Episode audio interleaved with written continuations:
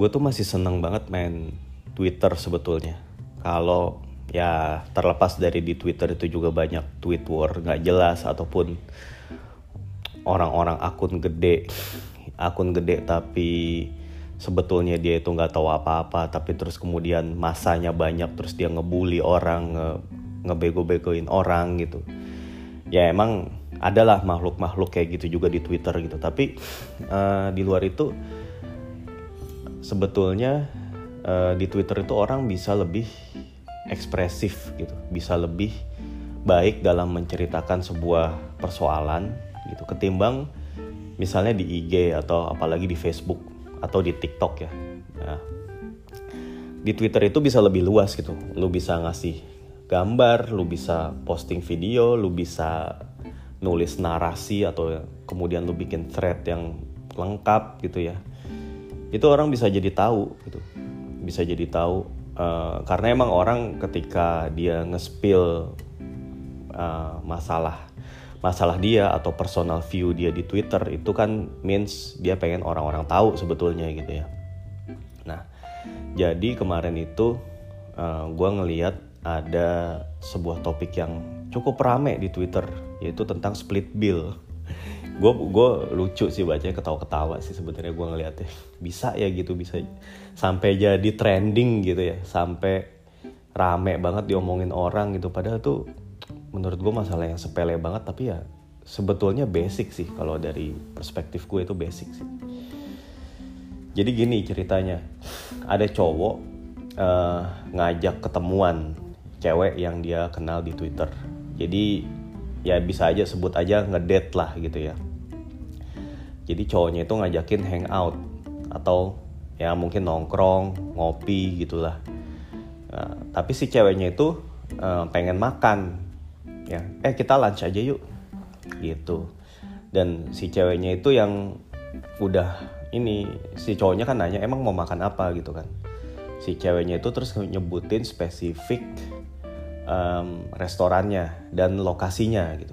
Gue pengen makan di restoran ini di sini gitu ya udah dong akhirnya uh, cowoknya oke okay. terus cowoknya tuh sampai nanya uh, mau ketemuan apa dijemput Nah, terus cowok ceweknya bilang e, dijemput aja deh soalnya nggak ada kendaraan gitu. Terus bahkan ceweknya juga sampai sempet uh, bilang gini, eh gue boleh bawa teman nggak? Atau gue boleh bawa sepupu nggak? Pokoknya lupa lah teman atau sepupu gitu. Kebetulan dia ada di sini gitu.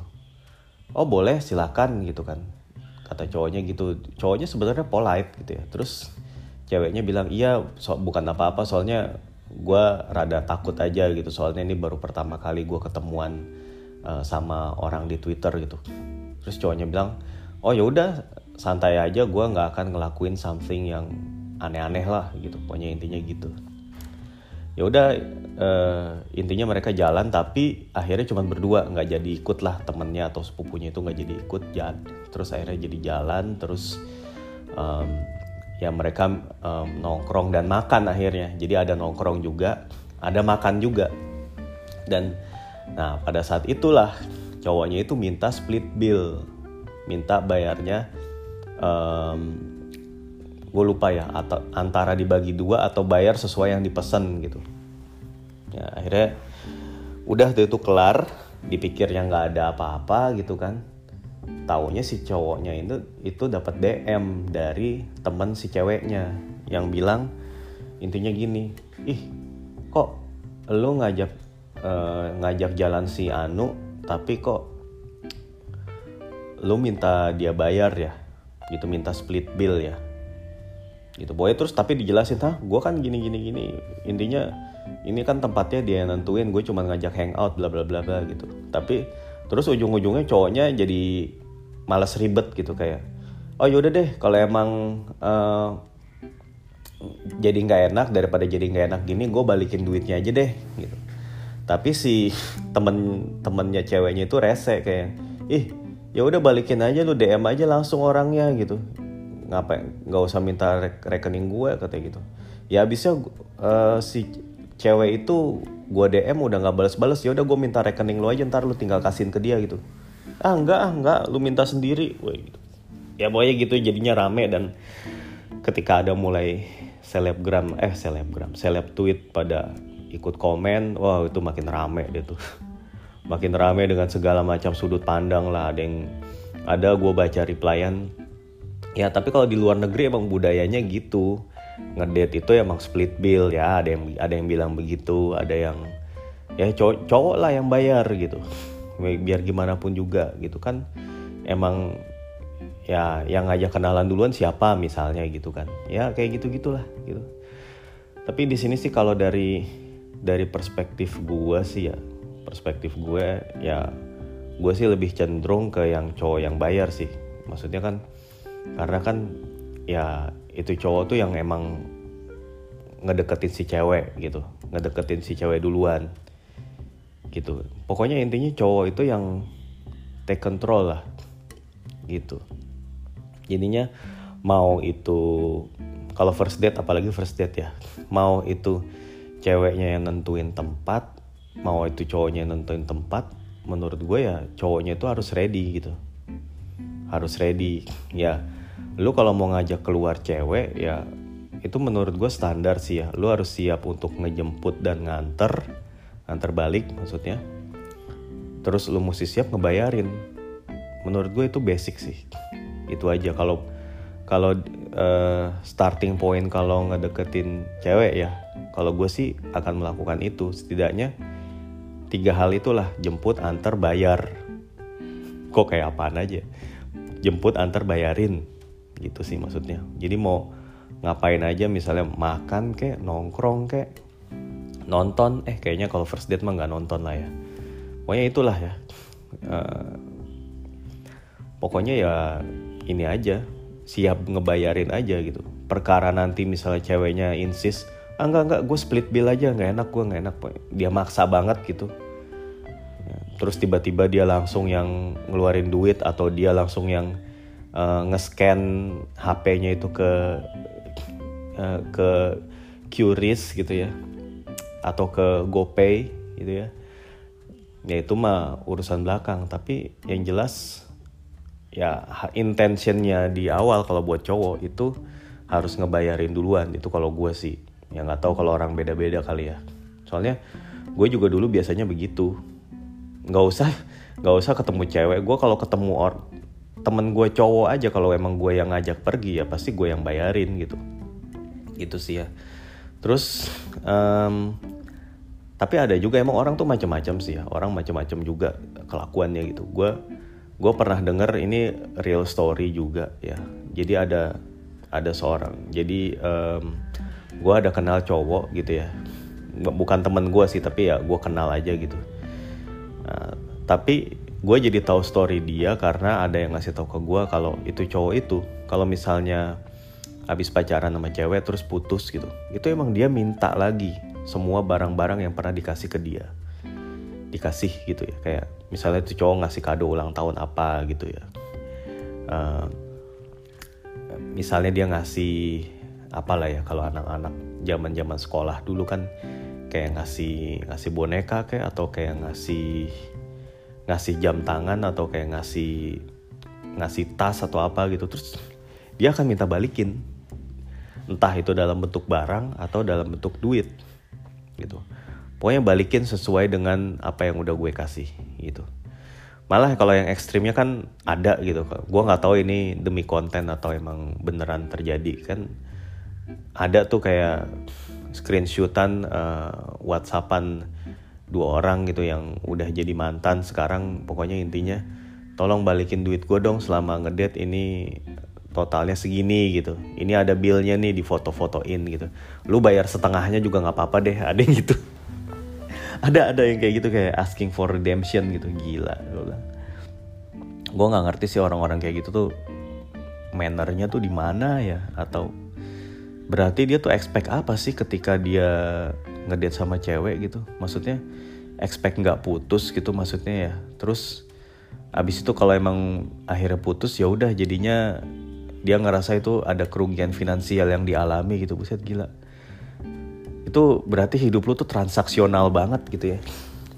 Hidup tuh transaksional dan pokoknya segala sesuatu tuh ya namanya transaksi ya lu dapat keuntungan gitu. Lu ngeluar lu mendapat lu mengeluarkan pengorbanan tapi lu mendapatkan keuntungan. Mendapatkan konsumsi dari situ gitu atau keuntungan. Gila kata-kata gue ya itulah drama ya itu mah drama-drama receh sih kalau gue bilang ya dan itu nggak sebenarnya nggak perlu di spill ke medsos gitu ya. Nggak perlu diramein nggak jelas kayak gitu sih kalau gue bilang tapi anyway kalau soal traktir mentraktir ini sebenarnya itu ada ada basic mannernya dan menurut gue kalau udah di levelan yang lebih tinggi ini gue belum gue belum ngalamin ini sih jujur ya. Jujur ngomong gue belum ngalamin ini. Tapi kalau kita ada di higher level gitu kayak misalnya kita ada urusan bisnis atau ya urusan pekerjaan dengan let's say konglomerat lah. Gitu konglomerat orang yang punya perusahaan gitu. Orang yang punya perusahaan. Jadi misalnya kita punya perusahaan mau menawarkan jasa kita ke si konglomerat itu. Itu itu juga gimana? Um, apanya tuh? Uh, yang harus bayar itu siapa? Itu juga itu ada triknya. Gitu atau bahkan gini gue pernah diceritain sama bos gue. Jadi suatu ketika dia tuh dihubungin sama seseorang. Dia bilangnya dari dari perusahaan PT PTA lah gitu. Saya ini pak dari PTA gitu. Saya sebut aja namanya oh nama saya Michael gitu. Anggap aja Michael lah. Saya Michael dari PTA pak gitu. Saya mau ngobrol-ngobrol dong soal ini gitu ya uh, ini kan ada peraturan baru ini nih Pak. Saya pengen tahu Pak impactnya ke perusahaan saya. Bisa nggak uh, kita ngobrol-ngobrol Pak? Gitu katanya. Nah terus uh, bos gue itu uh, ini ini dalam situasi training ya. Jadi bos gue itu ngasih training. Salah satu materinya tuh gini. Siapa yang akan bayarin billnya kalau kayak gini gitu. Jadi kalau kata bos gue gini, pertama kali ya lo harus cari tahu dulu nih orang yang menghubungi lo itu siapa. Si Michael itu siapa. Nah akhirnya bos bos gue gini yang dia lakukan. Dia kumpulin informasi sebanyak mungkin. Dia background check dan dia juga minta dokumen-dokumen perusahaan gitu ya dokumen standar perusahaan supaya dapat bayangan nih. Dan mintanya juga gini pak uh, misalnya saya boleh nggak minta audit reportnya dari kantor bapak gitu. Biar saya ada bayangan aja pak. Oh iya boleh boleh. Nih saya kirim. Email bapak apa? Kayak kayak gitulah. Akhirnya dikirim.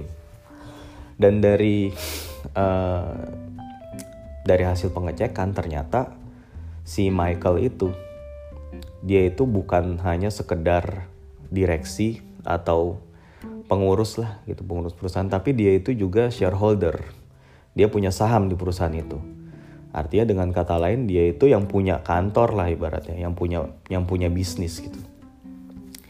Nah kalau menurut bos gue, kalau lu nggak uh, diajak ketemuan sama orang seperti ini, gitu ya, sama yang punya kantor gitu, lu harus biarkan dia yang bayar gitu. Karena kalau kalau lu yang bayar itu jadi kesannya ada kesan lu tuh ya entah itu underestimate atau bukan bukan bukan underestimate ya. Pokoknya etikanya itu adalah um, posisi lu sama dia itu lebih tinggi siapa gitu. Ya kalau misalnya posisi dia yang lebih tinggi dia sebagai owner gitu itu lu harus let him atau her pay gitu. Pokoknya intinya gitu. Tapi kalau misalnya yang yang ngajak ketemuan ini misalnya cuman sekedar dia itu uh, direktur lah sekedar sekedar dia itu direksi dari itu perusahaan gitu ya. Ya. Atau malah staff staff apa misalnya general manager kayak atau manager senior manager atau apa division head gitu. Pokoknya intinya masih karyawan dari perusahaan itu ya. Sementara lu adalah owner dari bisnis lu ya lu yang ngebayarin gitu. Lu yang ngebayarin. Nah kalau posisinya adalah lu owner bisnis terus ketemu dengan owner bisnis lain yang bisnisnya lebih gede dari lu misalnya gitu. Lu baca dari laporan keuangannya wah asetnya gede banget nih. Asetnya jauh lebih gede dari perusahaan kita nih gitu. Nah itu lo harus ngebiarin dia yang ngebayarin lo gitu.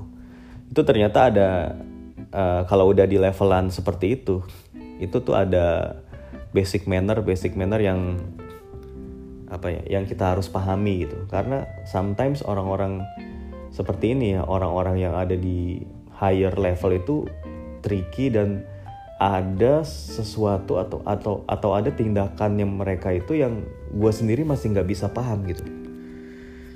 Hmm. gue nggak bisa paham dan gue nggak tahu ya apakah gue yang salah ngerti atau gimana. Jadi gue pernah gue pernah ada interview ya job interview um, dengan salah satu perusahaan lokal dalam negeri.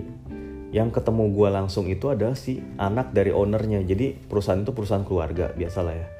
Perusahaan keluarga yang megang itu ya dia sama anak-anaknya gitu. Nah gue ini ketemu sama salah satu dari anaknya. Gue disuruh ketemu di sebuah lobby hotel. Ya sebuah lobby hotel. Dia datang bawa konsultannya dia. Jadi kayak ya konsultan finance consultingnya dia lah gitu ya finance consultant dia. Dia berdua gue sendiri. Dia nanya menghujani gue dengan pertanyaan-pertanyaan baik yang teknis maupun non non teknis terus dia dia minum dia ngopi dia dia berdua ngopi sama ada pesen kayak minuman dingin gitu. Nah gue kan ditanya gue seret dong maksudnya gue gue aus dong diajak ngomong mulu gitu ya. Tapi kan tapi dianya dianya nggak nawarin gue minum. Dia nggak ngebeliin gue minum dan posisi gue tuh waktu itu nggak enak banget. Gue bingung gitu. Aduh gue pengen pesan minum juga dia nyerocos nanya mulu gitu. Maksudnya gue pun sebetulnya dalam posisi ketika gue pengen pesan minum ya udah gue yang bayar nggak apa-apa gitu. Nggak masalah nggak lu bayarin juga. Walaupun etikanya sebenarnya lu udah ngundang gue ke sini ya lu yang bayar gitu. Tapi tapi gue nggak apa-apa gitu. Nggak apa-apa kok kalau gue gua harus bayar gitu intinya gitu tapi ini pun juga pertama gue nggak ada kesempatan nggak dikasih kesempatan jeda untuk gue pesan minum ya. Dan yang kedua gue nggak dipesenin juga anyway gitu. Ya dan akhirnya uh, ini sih emang gue nggak dipanggil lagi di interview itu. Mungkin dia juga ngelihat kali ya ih ini orang bukannya pesan minum gitu kali. Dia emang itu bagian dari tes kali ya jangan-jangan. Ini orang berarti mungkin terlalu nggak enakan atau gimana dinilainya gitu. Tapi tapi gue malah gue malah sebetulnya ngerasa kesel sesudahnya. Gue gue mikirnya anjir gue udah ngomong ada ada kali gue interview tuh hampir dua jam ya. Gue udah ngomong dua jam lama banget setidak ya paling gak kasih minum kayak gitu si kampret ini gue bilang. Lu yang punya perusahaan juga kampret banget lu nggak ngasih minum gitu. Mungkin gue harusnya ya gue harusnya bertindak lebih sedikit lebih ini kali harusnya lebih tegas atau lebih ya pokoknya intinya gue harusnya lebih bisa ngebawa kepentingan gue juga gitu. Jangan ngerasa terlalu terintimid terintimidasi banget ya. Ya bisa gimana nggak nggak lu terintimidasi ketika lu di uh, diwawancarai di sebuah lobby hotel bersama yang punya perusahaan dan perusahaannya itu gede gitu ya. Perusahaannya itu gede. Dan dia itu anaknya dari yang punya. Dan dia emang Sims sangat menguasai teknik apa tekniknya gitu ya. Terus si konsultannya juga sangat kalau nanyanya itu sangat detail gitu ya. Ntar kalau gini gimana gini gimana tuh dia dan dia itu kalau tipikal yang ketika gue dia nanya terus gue jawab itu pertanyaannya itu akan berkembang dari jawaban-jawaban yang gue berikan gitu. Jadi semakin gue ngejawab teknis dia akan langsung lari lagi ke yang more more and more technical gitu loh. Jadi gue kayak capek kayak kayak gue ngasih lecturer gitu kayak gue ngasih kayak gue nguliahin orang gitu. Jadi kayak nguliahin seorang mahasiswa yang kritis gitu lebih kayak ke situ. Jadi ketika gue jawab ini dia akan nanya nah ini ini maksudnya gimana sih cara ngitungnya? Ini gimana sih peraturannya gimana sebenarnya boleh atau enggak sih? Kayak gitu gitu terus kalau saya mau kayak gini ini kira-kira gimana? Wah panjang deh panjang lebar obrolannya dan kadang-kadang gue juga ngerasakan ya gue juga punya punya ekspektasi. Ya kalau interviewnya lama nih harusnya bisa diterima nih. Ya berarti kan ya dia enak ngobrol sama gue gitu. Gue bisa memberikan informasi-informasi yang dia harapkan misalnya gitu kan. Ya tapi ternyata enggak. Ya itulah kadang-kadang menjadi misteri gitu. Tapi ya gue ngerasa gue nggak ngerti ya. Gue sebenarnya masih sampai sekarang nggak ngerti. Itu emang itu emang orang nggak emang pelit aja nggak mau ngebeliin gue minum apa dia nggak punya manner aja atau seharusnya gue yang ngeklaim gitu. Gue ngeklaim eh, gue pengen minum nih bos gitu. Gue yang minta gitu. Ya emang soal-soal kayak gitu juga aduh banyak sih. Gue gue banyak ketemu dengan orang yang gue ngerasa tidak punya manner atau tricky seperti itu ya. Terus ada lagi pengalaman interview gue juga ada kayak gini. Gue disuruh interview di jam dia dia ngundang interview gue uh, di sebuah restoran nih seorang headhunter nih ya seorang headhunter dari luar negeri. Orang dia tuh orang Malaysia. Jadi dia itu ngundang interview gue juga sama di sebuah restoran di cafe di hotel di jam makan siang. Lunchtime gitu. Dan gue terus ketika itu gue datang tergopoh-gopoh gue datang gue waktu itu bawa motor gue inget pas gue ke kantor bawa motor gue bawa motor gue ke hotel itu terus gue datengin gue samperin terus ngobrol sama dia dia pesen minum pesen aja gitu. Dan dia pesan minum pesan cuma buat dirinya sendiri. Dan udah dia cuma pesan ini gue mau lemon tea satu udah gitu. Dia bahkan nggak bilang nggak nawarin ke gue would you like to order too gitu atau atau gimana gitu. Enggak. Langsung lah gue ini gue bingung kok gue nggak ditawarin ya? Atau kalau nggak gue juga berpikiran nggak apa-apa deh gue bayar sendiri gitu. Sampai kayak gitu. Dan dia itu emang pesan minum doang dia nggak makan gitu. Dan dia nanya banyak hal gue interview sampai sejam. Oh oke okay. terus abis itu udah oke okay, that's all gitu. Terus gue nggak dibeliin minum sama si kampret itu lagi-lagi. Gila gue itu gue dua kali loh punya pengalaman. Gue diajak uh, ketemuan orang di sebuah cafe ketemuannya di cafe dan gue nggak dikasih minum. Tapi gue abis itu ilfil. Jadi gue langsung mikir ah mau apa pun yang lu tawarin gue nggak nggak akan ambil. Ngapain amat lu? Gue minum aja nggak dibeliin sama lu gitu. Gitu loh. Terus ada lagi satu pengalaman gue ini bukan interview sih tapi sama klien ya. Tricky banget nih. Jadi gue pernah uh, gue pergi sama bos gue ketemu sama klien ini. Dia orang Singapura gitu ya.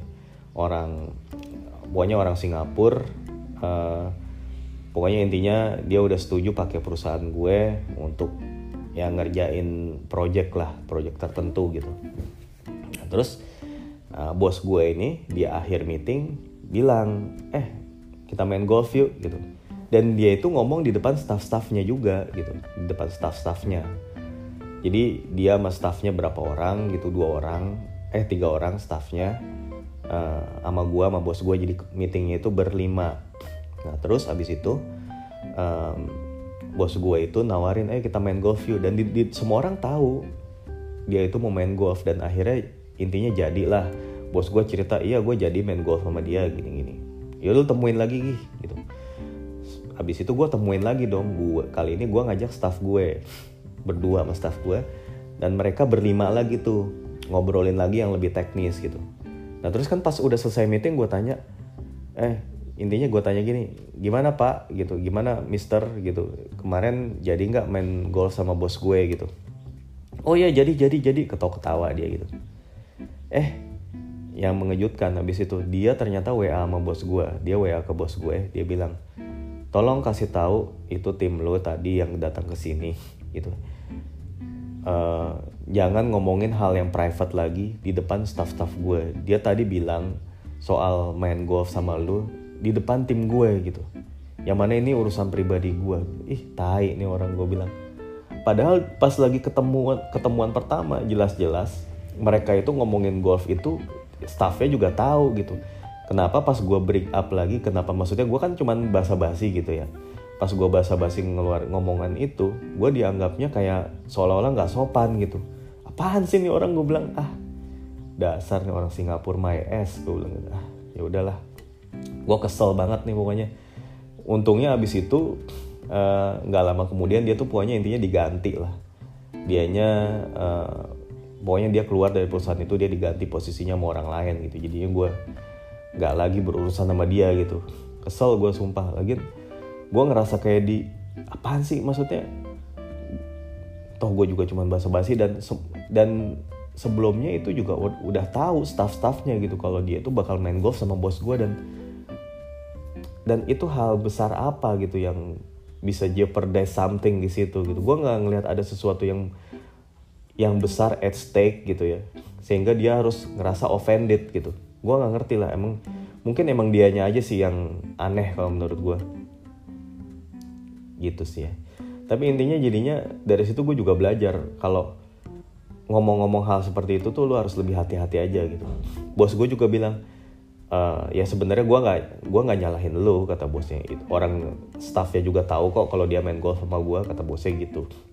Terus gue juga bilang ya udah bos lain kali saya harus gimana nih? Gue bilang gitu. Ya udah lu lain kali ya lu lebih ini aja lebih lebih halus aja gitu lebih hati-hati aja kalau sama klien. Kan kita juga nggak tahu dia orangnya gimana gitu. Dan kebetulan aja dia orangnya ya emang rada aneh begini. Dan bos gue juga ngakuin. Bos gue juga nggak nyalahin gue gitu.